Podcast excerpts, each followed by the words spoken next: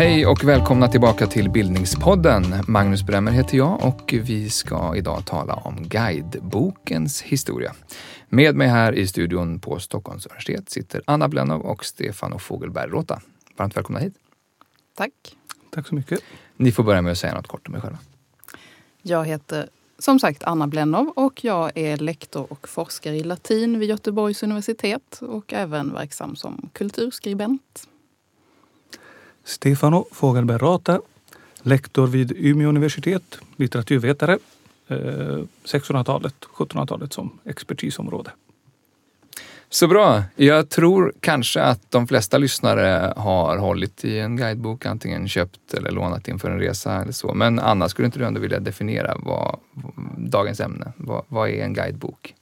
Jo visst, för den frågan kan ju tyckas väldigt enkel just där alla vet vad en guidebok är. Men när man väl ska börja ge sig in på att definiera vad är det här egentligen, guideboken?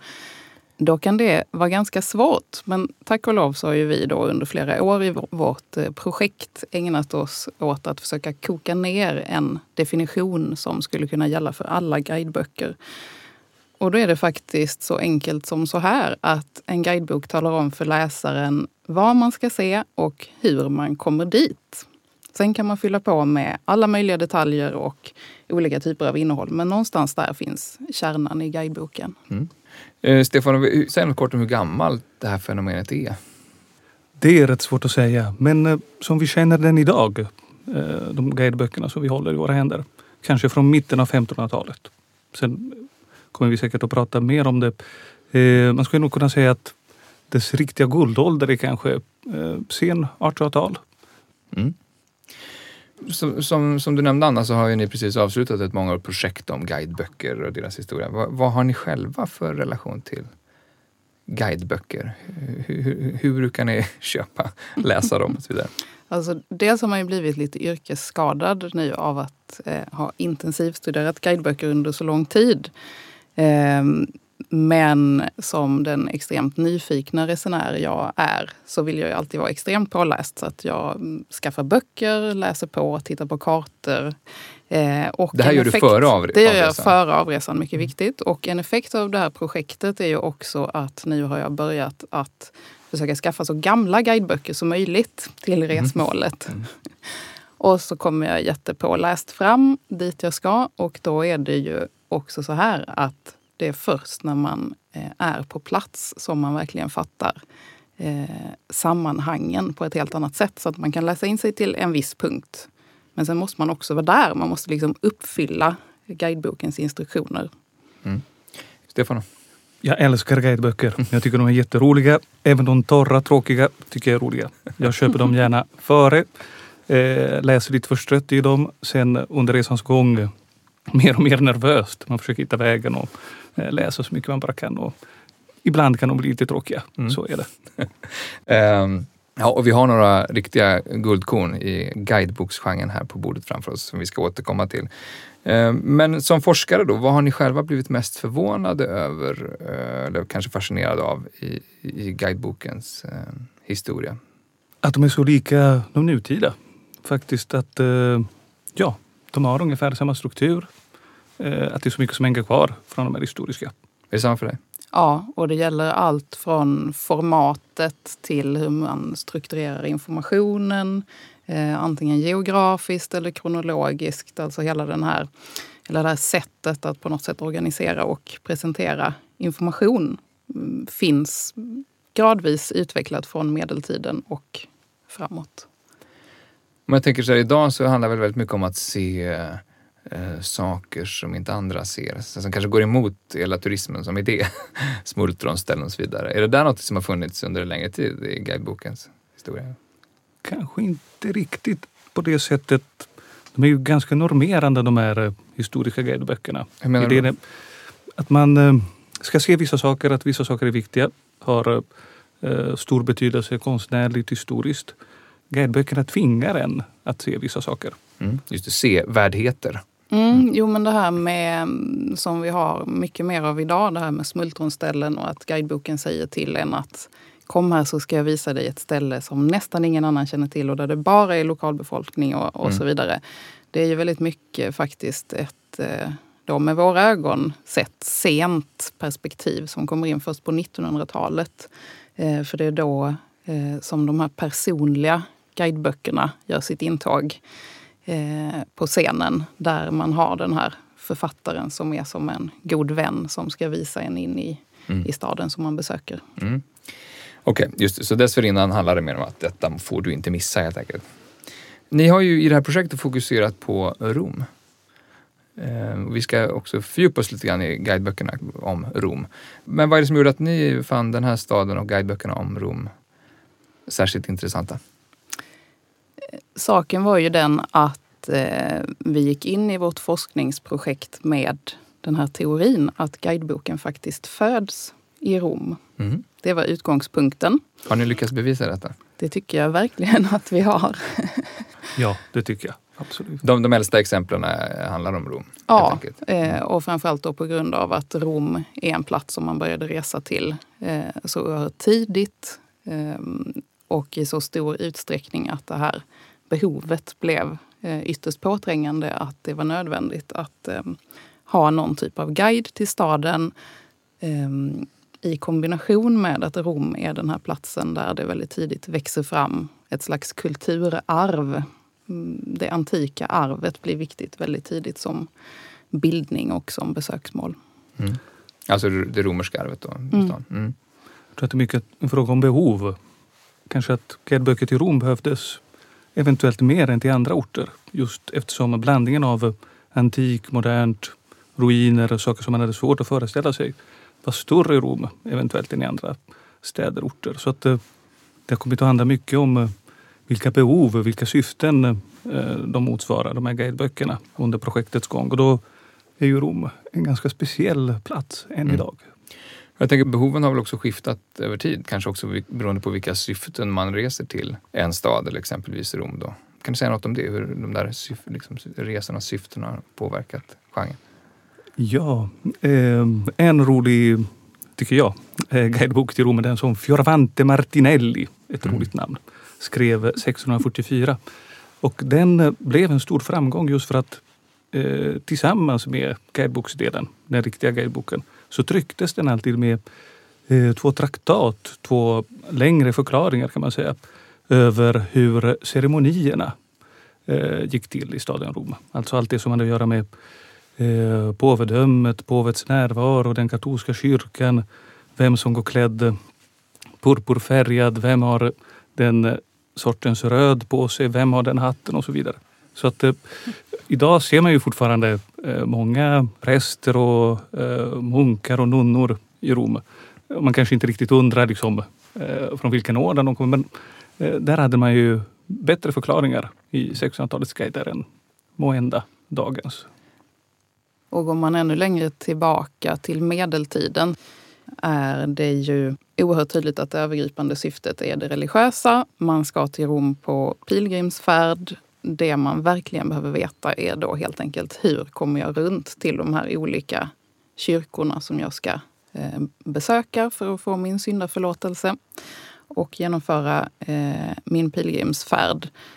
Eh, men eh, det är där någonting händer då på medeltiden för att på den här färden runt i staden så som en slags bieffekt så sipprar det ju in att man rör sig också bland alla de eh, antika monumenten och ruinerna och på så sätt så mm. kommer det här behovet också att ja men då måste vi ju beskriva dem också. Mm, eh, Passa på att se detta Exakt. medan du är på väg. Okej. Okay. Eh, för redan där tänker jag att, att kanske man, man, eh, spontant tänker att guidebokens historia ska hänga väldigt tydligt samman med liksom, turismen, turistindustrins framväxt där, och kanske mer 1800-tal då. Men, men så är det inte. Alltså, det finns, guidebokens tidigaste historia är, är betydligt äldre. Ja, för eh, det här med turism det har ju trots allt en, en modern eh, klang, det här begreppet.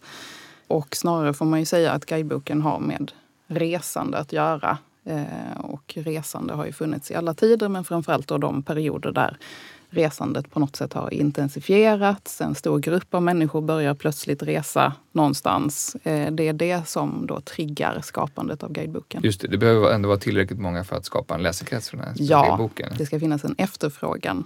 Mm. Men, men, men är det så att turist, när turismen senare ändå blir en industri, liksom förändrar det guideboken på något avgörande sätt? Har ni sett det? Ja, återigen den här eh, guideboken från 1600-talet. Där finns det ju faktiskt redan som i våra nutida guideböcker tips om var, inte riktigt restauranger, barer eh, som det finns i dagens, men eh, var man kan köpa mat, var de olika marknaderna finns, det bästa köttet, fisken, grönsakerna och så vidare. Och eh, guideboksförfattaren själv, han gör ju reklam för sig själv. Han säger att i min andra bok, som ni kan finna på den och den eh, bokhandel. Så det finns en ekonomisk aspekt där också, men den är inte definitivt lika framträdande som eh, från sena 1800-talet och fram till idag. Där, eh, ja, eh, Men det finns ett PR-tänk, välj mina böcker framför andra. Sen. Redan en början, 60-50-talet. en början, En början, absolut. Ja. Eh, Liksom, där- vilken är den, eh, den världshistoriens första guidebok? Har ni lyckats identifiera detta? Om man går till världshistorien och ändå på något sätt håller sig kvar i Europa Mm. Eh, så brukar man ju nämna eh, den grekiska författaren Pausanias från första århundradet i vår eh, tideräkning. Eh, och hans guide till Grekland som han då författade i ett stort antal band. Jag tror det är tio böcker. Eh, och det säger man ju ofta lite sådär enkelt att ja, men det var en av de första guideböckerna. Men samtidigt så eh, med tanke på det vi redan har pratat om eh, med det här med behov, efterfrågan och så vidare. ehm, Nödvändigheten i att en guidebok ska vara praktisk, man ska kunna ha med den på resan. eh, Så är ju det här mer av ett lärt verk som man studerar i ett bibliotek kanske än att man släpper med sig de här tio volymerna till Grekland och står där och, och flaxar med. Nej. Det är ju mer en, en, en geografisk Ja. skildring än en guide Just det, något sätt. Men det ordet, guide, vad, vad, liksom, var kommer det ifrån? Eh, helt enkelt guiden som guidar en eh, och eh, vägleda från eh, verbet guidare. Helt enkelt att man blir vägledd. Att någon håller en i handen. Antingen en fysisk person, en guida eller boken eh, som blir allt eftersom. Ja, alltså det kommer ju från den personliga eh, guiden som då i överförd betydelse kan flyttas över på boken för att eh, också under den tidigaste tiden för guideböckerna, eh, medeltiden, så var det ju så oerhört ovanligt att man ens hade råd att äga eh, skrift Mm. eh, på pergament. Eh, så att då förvaltades de här texterna förmodligen av personer som sen ägnade sig åt att leda runt folk i Rom. Samma sak under Grand Tour-perioden. Där var det också extremt viktigt med den här personen som guidade runt. Så att Just det, det var de här eh, bildningsresorna som unga personer företog på Mm. 1700-talet. Och där hade man Gärna alltid med sig då en ciceron på resan. Men eh, det är väldigt intressant det där med vad guideboken kallar sig själv. Eh, den kan kalla sig då guide, men väldigt vanligt är ju också att en guidebok till Rom helt enkelt heter Rom. Mm. Då är det ju som att boken förvandlas till Rom och Mm. där i boken hittar man staden. Så det är också väldigt talande det här med titlar. Men, men just ja, i den här Grand Tour bildningsresetraditionen, är det så att guideböckerna har en plats där också? Eller hade, hade alla eh, i den övre eh, borgerliga medelklassen och arist- aristokratin eh, helt enkelt bara en riktig guide eller ciceron med sig? Det var nog både och. Mm. Man kanske anlitade någon på plats. Man kom ner med en eh, guidebok i sina händer. Man kanske hade köpt den på vägen. Ja, för det finns ju då mm, också några böcker som är lite viktiga under den här Grand Tour-perioden. Men eh, de är egentligen inte så unika i guidebokens historia utan de bygger väldigt mycket på det som redan fanns i litteraturen. Eh, Det är mer sammanställningar av... Ja, eh, och lite grann att man använder sig av, av eh, material och strukturer som tidigare författare har utarbetat. Till exempel eh, den första riktiga Grand Tour-guideboken brukar man säga är Richard Lassells eh, Voyage to Italy från slutet av 1600-talet. Och det lär vara där som det här begreppet Grand Tour nämns, eh, Mhm. benämns så för första gången. Det myntas liksom i den Ja. boken? Okej. Men eh, det är ju också en sak som vi upptäckte i vårt projekt att Eh, den här evige Martinelli och hans bok eh, så bygger ju eh, Lassels guidebok till stora delar. Han har alltså kopierat delar av Martinellis promenader och strukturer och, och information. Och det är ju också en sån här typisk, ett typiskt fenomen för guideboken att man kan liksom inte skriva i ett vakuum. Det går inte att börja från början att beskriva rummet. Man måste använda sig av material som tidigare författare har skrivit. Men då är frågan, eh, gör man det öppet? Eh, refererar man till dem för att genom det få auktoritet? Eller snarare då som Lassells, förtiger man det helt Ja. och låtsas att det är man själv som, som har kommit på det här? Martinelli verkar i alla fall ha rätt i att hans guider var särskilt bra. Det var den verkligen. Men man skulle kunna säga att det är ju en genre, den här med guideböckerna, där det nästan är tillåtet att plagiera varandra. Frågan om originalitet är inte lika viktig som vi tänker med vår nutida litteratur. Att man bygger på en tradition, att man lånar från varandra, ibland öppet. Eh, ja, inte, inte riktigt med not kanske, men man nämner vart man har fått eh, uppgiften ifrån och rätt ofta utan att göra det. Kan ni se det så att man på sätt och vis är del av en kollektiv historia någonstans? Man skriver fram den här staden i bokform, eh, liksom över generationer. Absolut. Och um, där finns det också olika traditioner. Anna pratade om de här engelska guideböckerna vi har nämnt flera gånger. Den här Martinelli, de italienska guideböckerna. Det finns en fransk tradition också. Och alla ser ju, eh, om inte olika saker, men i alla fall lite grann ur en annan synvinkel. Och har olika idéer. Naturligtvis är religion en viktig fråga. Just när det kommer till Rom. Med tanke på att det är eh, påvedömets centrum och många av de här resenärerna under grandtouren kom norrifrån och var eh, protestanter. Och eh, ja, tyckte väl kanske att det här med relikerna Mm. inte riktigt var så helt säkert som katolikerna eh, kunde hävda. Så då kunde man ifrågasätta det och olika länder har olika traditioner i. Mm. Men vår, jag tänker att guideboken annars känns som en ganska harmlös genre. Men är det så att vissa av de här guiderna kunde vara rent provocerande för vissa läsare? Om man nu tog ner pilgrimsfärdens högre syften. Eh, absolut. Man hävdar ju väldigt mycket på att man har rätt bild av staden.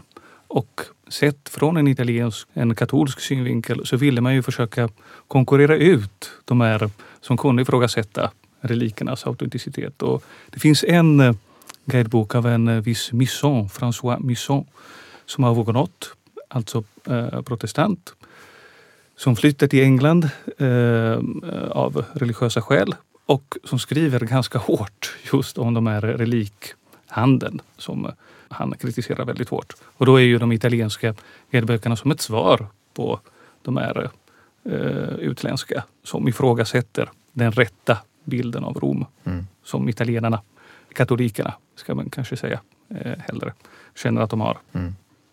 Jag menar, nu för tiden har ju guideböckerna eh, olika namn eh, och ett av de här första namnen, Baedeker. Karl Baedeker, vem var han? Han var en eh, tysk bokförläggare som i mitten av 1800-talet ungefär började ge ut den här enormt inflytelserika och framgångsrika och enormt varierade serien guideböcker. Eh, till en början eh, små områden eh, i Tyskland men detta spred sig då till guider till hela världen och så småningom också på andra språk än tyska. Så det finns både på franska och engelska tror jag väl. Eh, Alla de var hans, utgivna av honom i grunden så att säga, eller var det så att hans namn blev synonymt med guideboken som genre?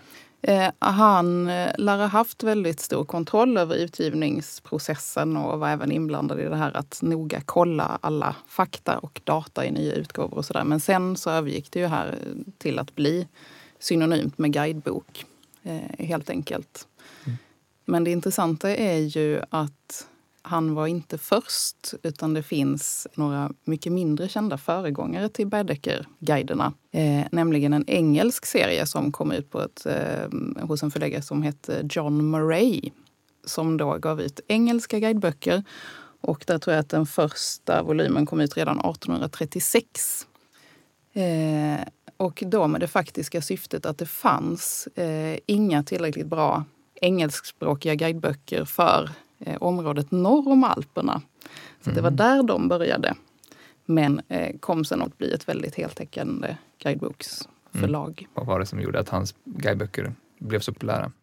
Det var ju det att syftet med de här böckerna var att resenären skulle bli helt oberoende och på något sätt eh, distanserad från den plats där man befann sig. Man skulle alltså inte behöva ta den risken att fråga någon ur lokalbefolkningen om vägen, utan allting eh, från stort till smått som man behövde veta skulle finnas i den här boken och den i handen skulle man aldrig kunna gå vilse eller göra något misstag överhuvudtaget. Ah, och det är klart att det är väldigt eftertraktat för den här stora nya gruppen resande när mer en större medelklass eh, börjar resa. Så han säljer någon slags världsvan eh, attityd? Ja, eller trygghet. Alltså egentligen hemvan trygghet. Eh, för tyska läsarna då så eh, gör man väldigt mycket extra tips om att där finns en tysk läkare och eh, en tysk ölhall i Rom finns faktiskt där och där och så vidare. Så att snarare det här att skapa en slags hemkänsla. Ja, att inte behöva fråga vägen mer än att man tycker det är... Ja. ja. Mm, okay. Eh, annars kan man ju tänka att också att det, om det är, ju fler som reser desto mindre vill man, vill man verka som en av alla turister kanske. Eh, är det här vi börjar närma oss de här smultronställen eh, argumenten? Att min guide har sånt där som inte andra hittar till. Ni sa 1900-talet ju tidigare. Ja, för Baedeker, eh, Baedeker är fortfarande den där väldigt anonyma eh, guideboken som snarare än att peka ut topp 10 smultronställen snarare fortfarande har det här liksom, kravet på sig att här ska man hitta allt, verkligen mm. allt.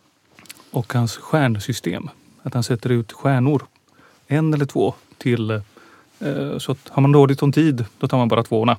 Eh, går och ser det allra viktigaste. Eh, får man tid med de övriga så går man tillbaka och tittar på dem också. No, okay. Mm. Och där måste man också tillägga det här med mera okända föregångare. Att Baedeker var inte först med det heller.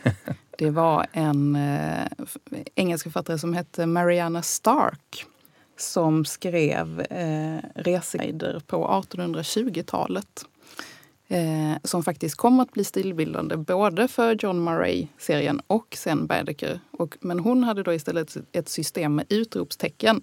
Så tre utropstecken var det där trestjärniga, det som man absolut inte får missa. Och hon var också faktiskt först med att ge den här oerhört detaljerade informationen om priser, nästan vad ett äpple kostar och vad båtresan därifrån till dit kostar. Också just som svar på ett behov från de eh, större grupper som är ute och reser med en betydligt mindre budget än vad man har haft tidigare. Kanske också behovet att inte bli lurad. Ja. Mm. Eh, alltså det här är, de här guiderna som vi pratar om nu kommer ju då alltså vid en tid när just moderna kommunikationer börjar byggas ut. Eh, det hänger förstås ihop tänker jag, men hur, hur ser man det där i, i guidebokens utformning på något sätt? Förändrar det möjligheten att resa och sättet man reser också, hur guideböckerna eh, skrevs? Både ja och nej. Så här, eh, naturligtvis när tåget kommer så är det allt fler som reser och det märks i guideböckerna också att det går fortare att ta sig fram. Men om vi pratar just Bedeker, han behåller ju faktiskt en ordning som går tillbaka i tiden till Grand Touren. Så på något sätt är väl kanske man kan uttrycka det så lite anakronistiskt att man har gjort Grand Touren demokratisk. Det vill säga att den är till, är öppen för flera. Helt enkelt att man besöker inte bara Rom men omgivningen också. Det som en gång var den påvestat som hade då börjat krympa eh, under mitten av 1800-talet. Mm.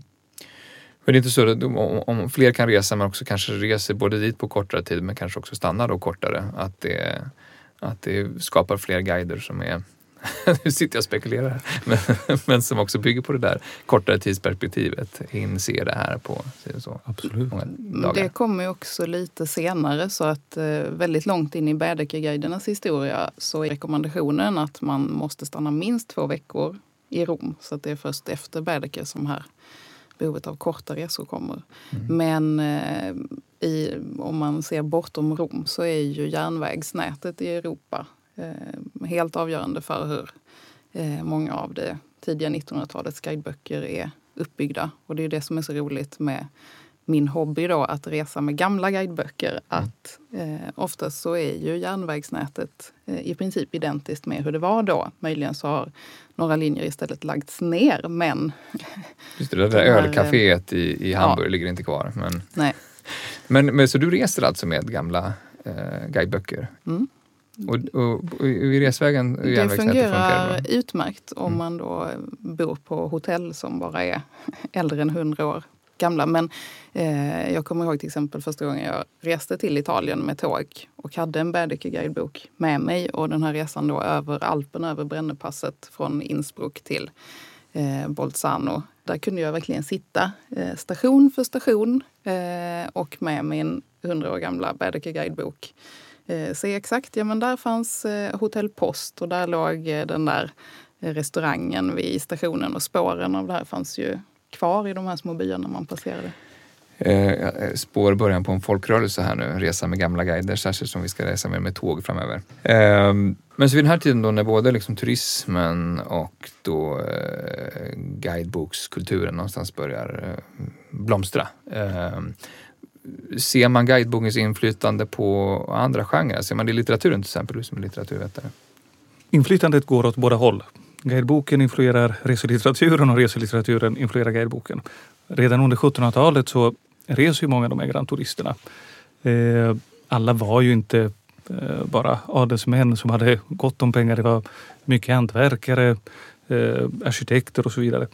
Eh, så man skulle också redogöra för vad man, vad man hade sett och skrev ner i dagböcker och så.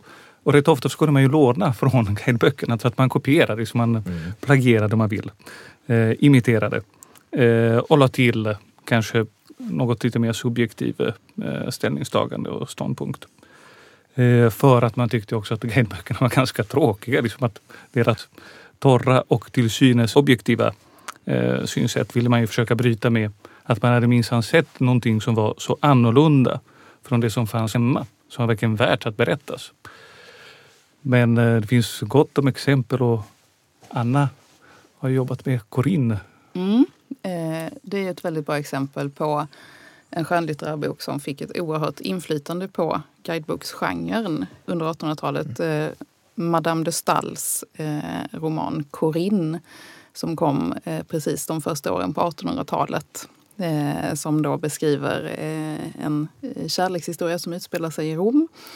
Eh, men där då huvudpersonen, romarinnan Corinne, blir eh, guide för sitt resesällskap. Så att det på ett väldigt eh, intrikat sätt så är det som en hel liten guidebok till Rom eh, invävd i den här romanen. Men samtidigt eh, med eh, alla 1800-talets eh, typiska yttringar av det här att man skulle bli eh, överväldigad eh, av det man såg. Monumenten skulle framkalla känslor, alltså allt det här med noggranna eh, mått och historiska skildringar från tidigare århundraden ersattes av den här effekten på själen och sinnena som, som eh, sightseeingen eh, gav. Eh, och eh, detta får då ett oerhört stort inflytande på även guideböckerna och annan reselitteratur under hela 1800-talet. Bland annat det här att se eh, Roms ruiner i månsken är ju någonting som är direkt hämtat därifrån.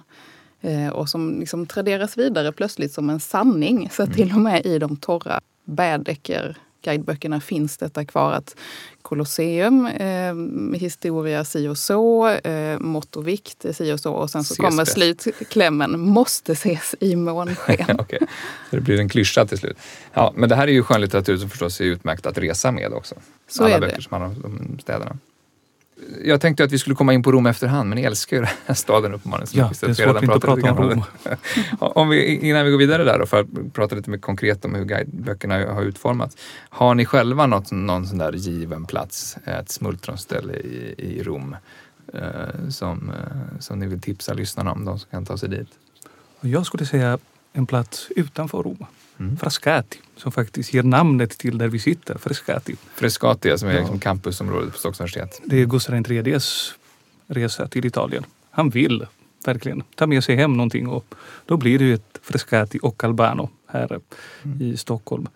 Eh, helt enkelt, när man kommer dit, det är bara en halvtimme från Rom med tåg, så ser man ju Rom väldigt nära, eh, lite längre fram. Man dricker lite av det där goda vita vinet från eh, Frascati och lämnar stojet och bullret lite bakom sig. För det kan vara ganska jobbigt att vara inne i centrala Rom med all trafik. Men om jag ska säga en plats i Rom, då är Trastevere. Det är en plats jag älskar. Ber- Säg Där- något kort om den platsen. Eh, ja, där bodde drottning Kristina. Bara en sån sak.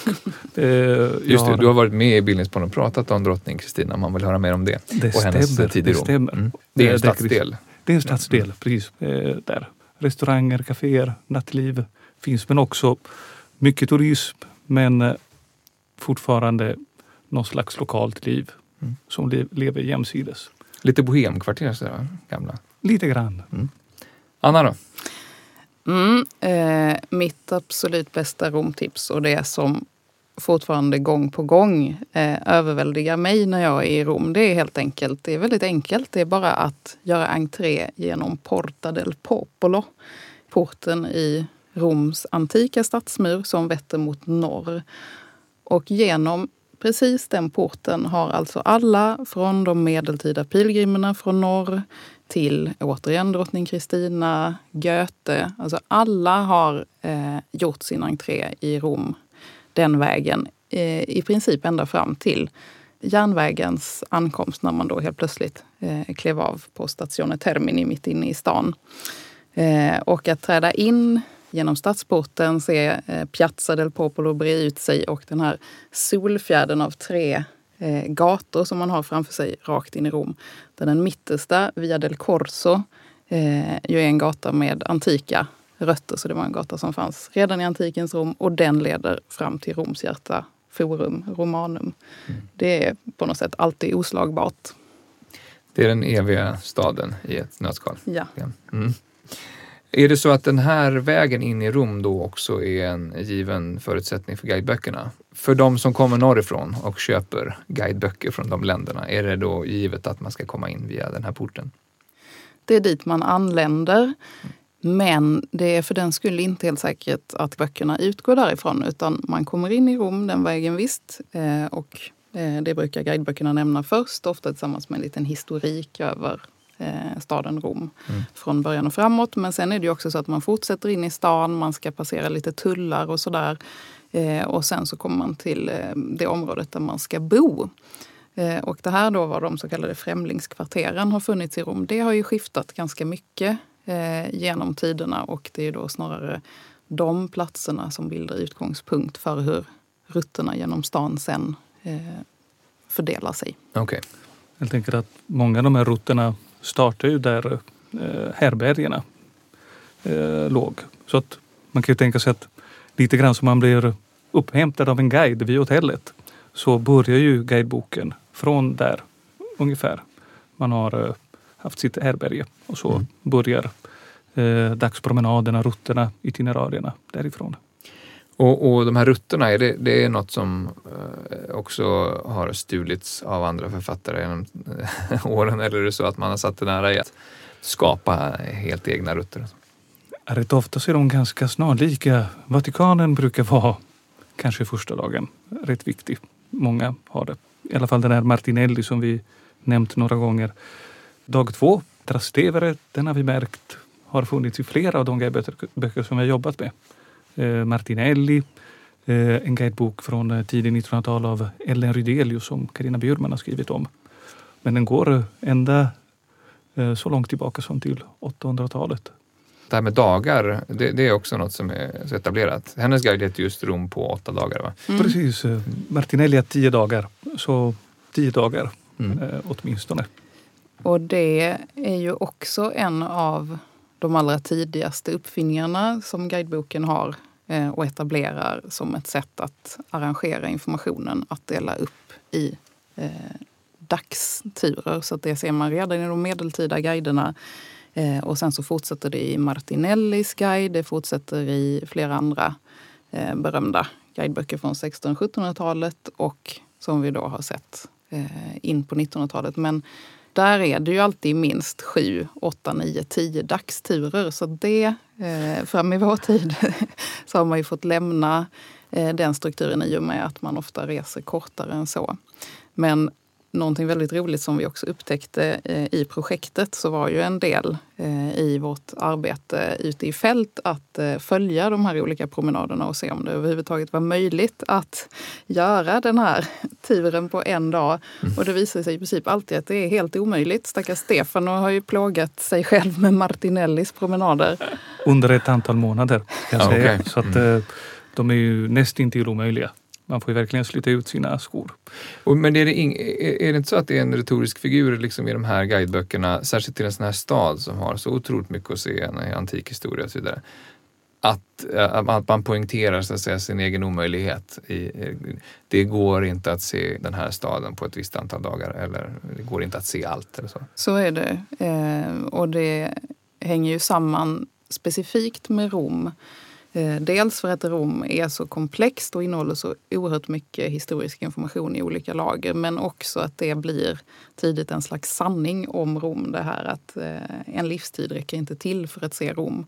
Det där tar ju sig väldigt praktiskt in i litteraturen så då kan författaren bara säga att vad är det för mening med att jag försöker beskriva alla palats som finns i Rom? För det kan ju ändå ingen omfatta med sitt förstånd.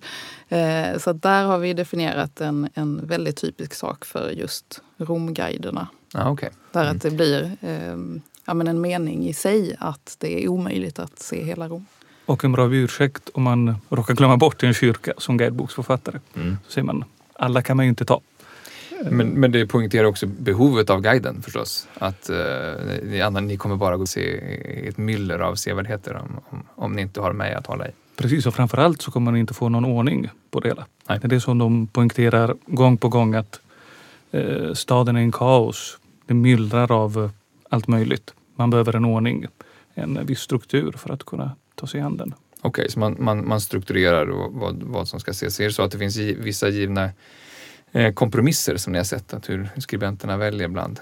Eller är det bara mm. efter tycke och smak att de här är bättre att se, mer sevärda? De strategierna är ju oftast ganska osynliga och det krävs ganska mycket arbete för att eh, komma åt vad det är som en författare eh, kanske väldigt avsiktligt utelämnar. Och en sån intressant sak är ju till exempel hela eh, barocken som konstform och stilperiod som under en period på 1800-talet var extremt illa omtyckt. Då helt plötsligt bara försvinner de mest typiska barockvaderna ur guideboken. Och det är ju någonting som är ganska lätt att märka idag. Eh, för numera så är ju barocken en ganska central del i den romerska konstupplevelsen. Mm. Då pratar vi om de riktigt, tycker vi idag, viktiga sevärdheter som eh, Piazza Navona, kyrkorna där och eh, som helt enkelt ja, vid mitten av 1800-talet ansågs inte tillräckligt fina. Ja, det är sånt vi, vi förknippar med Rom, kanske Italien på sätt och vis också med eh, snirklighet och stor överdriven dekoration. Och, och ja. museet i största allmänhet. Kan ha funnits den aspekten också. Uh, naturligtvis att uh, intrycket var ju ganska, ja, många intryck helt mm. enkelt och eventuellt lite för mycket att göra av med, att ta in. Man pratar om Stendhal-syndrom.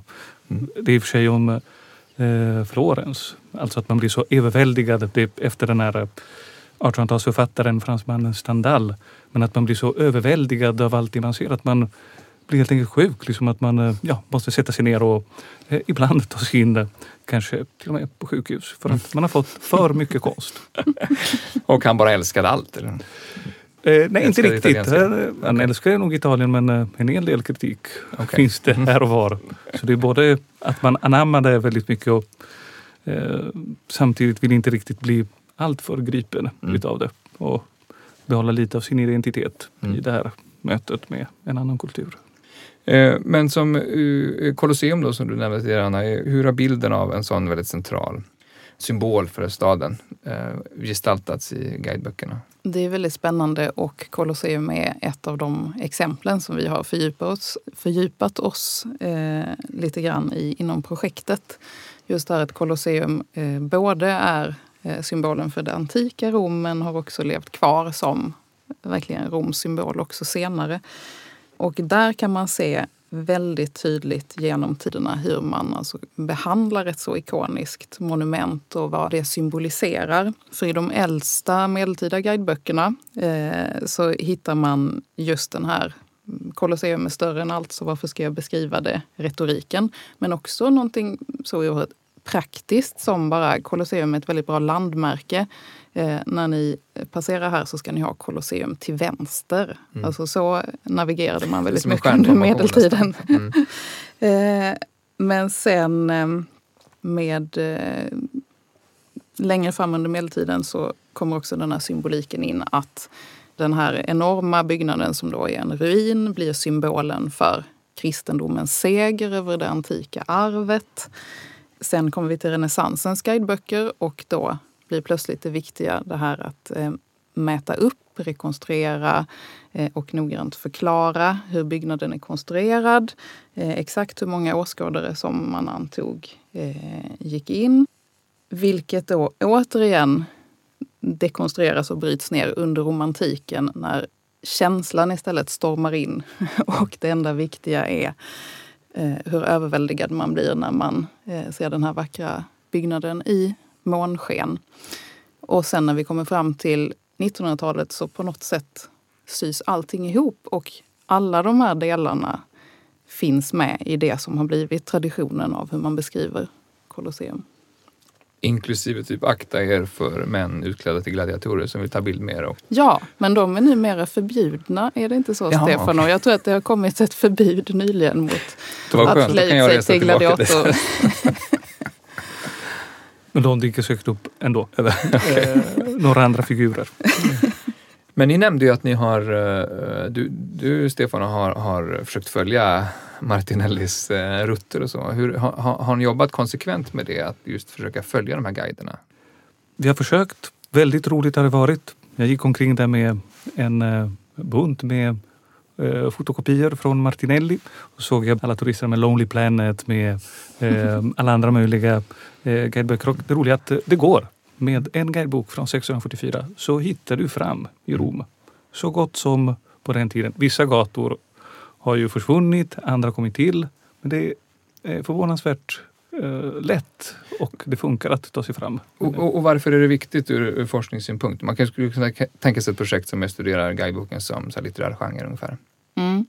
För någonting unikt i det sättet som vi har jobbat är ju att vi har just sysselsatt oss med de här fältstudierna att verkligen rekonstruera rörelsen eh, genom staden och se Eh, vad som händer då. Och då har vi ju sett det att bara genom att se hur man rörde sig eh, kan faktiskt säga ganska mycket om vilka det var som reste och också vilka syften de hade med sin resa trots att det kanske inte alltid uttrycks så glasklart i själva guideboken.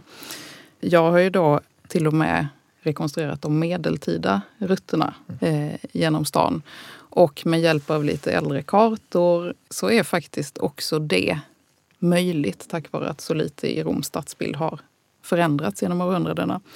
Men där kan man då se, om säg att man jämför de medeltida rutterna med sen 1600-talsrutterna hos Martinelli och 1900-talets eh, rutter.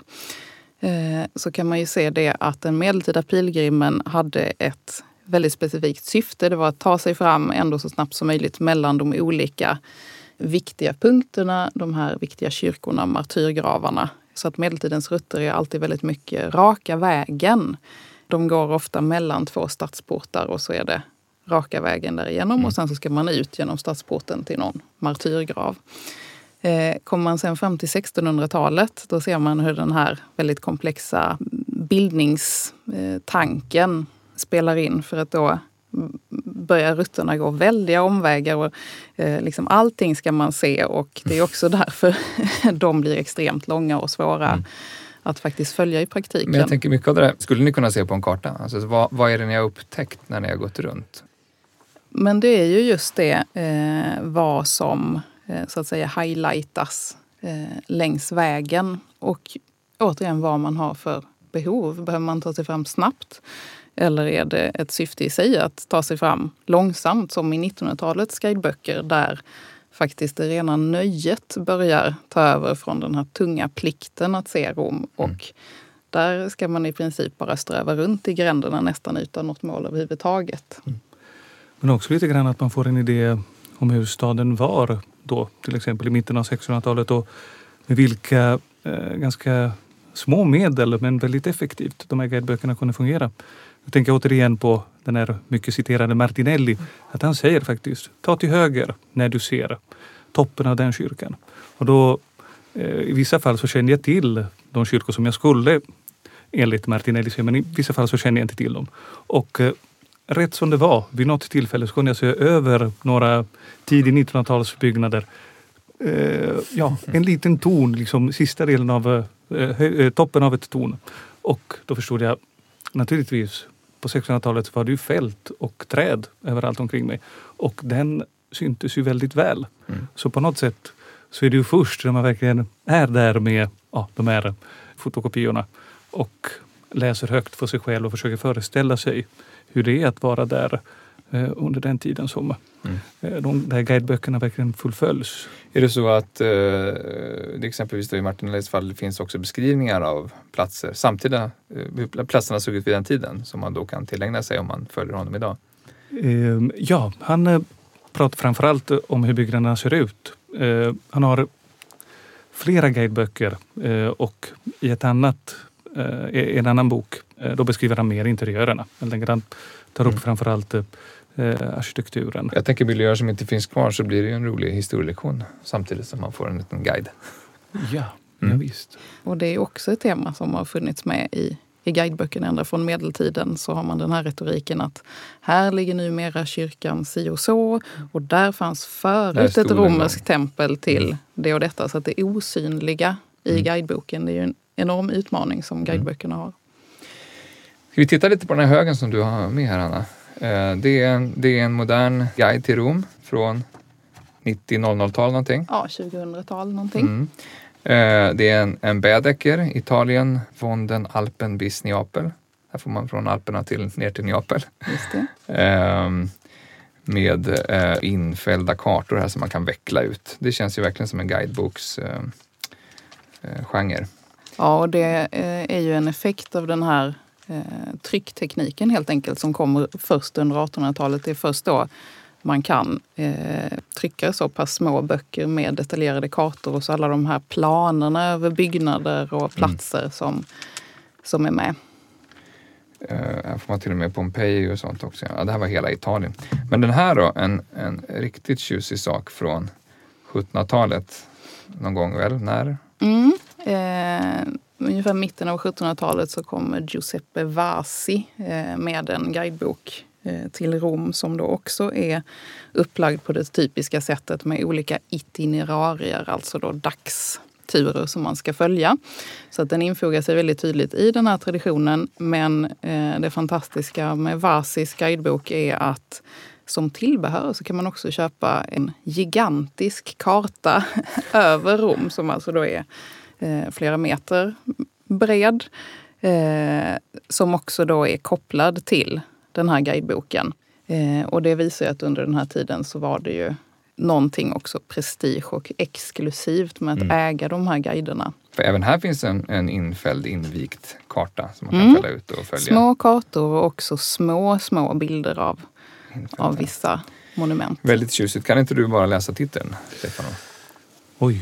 Itinerario istruttivo di Roma, ossia descrizione generale delle opere più insigni di pittura, scultura e architettura e di tutti i monumenti antichi e moderni di quest'alma città e parte delle sue adiacenze di Mariano, Vasi, Romano, accademico, etrusco. 1700-tals eh, längd på den Ja, eh, en eh, instruktiv eh, itinerarie över Rom och en eh, descrizione generale, en allmän beskrivning Mm. av de viktigaste verk. Opere più insigni inom måleriet, skulpturen, arkitektur. Och alla de antika och moderna. Antik och modern är någonting som återkommer Mm. väldigt ofta. Att de här guideböckerna tar båda delar helt enkelt. Så eh, här har vi en bildningsreseguide lite grann. Mm. Eh, när man ser en sån här så känns det ju rätt fattigt då att resa med eh, någon app i sin mobil. Mm. Ehm, Nu förstår du vad det är som gäller. Ja, absolut. Eh, Jag har nog testat det någon gång, men inte- med 1700-talsversioner. Men, men alltså, är det så att eh, genren, den tryckta guideboken, är på utdöende? Kanske på sätt och vis skulle det kunna vara så, men man skulle också kunna se det som att det är faktiskt så att guideboken har vunnit en seger en slutgiltig seger.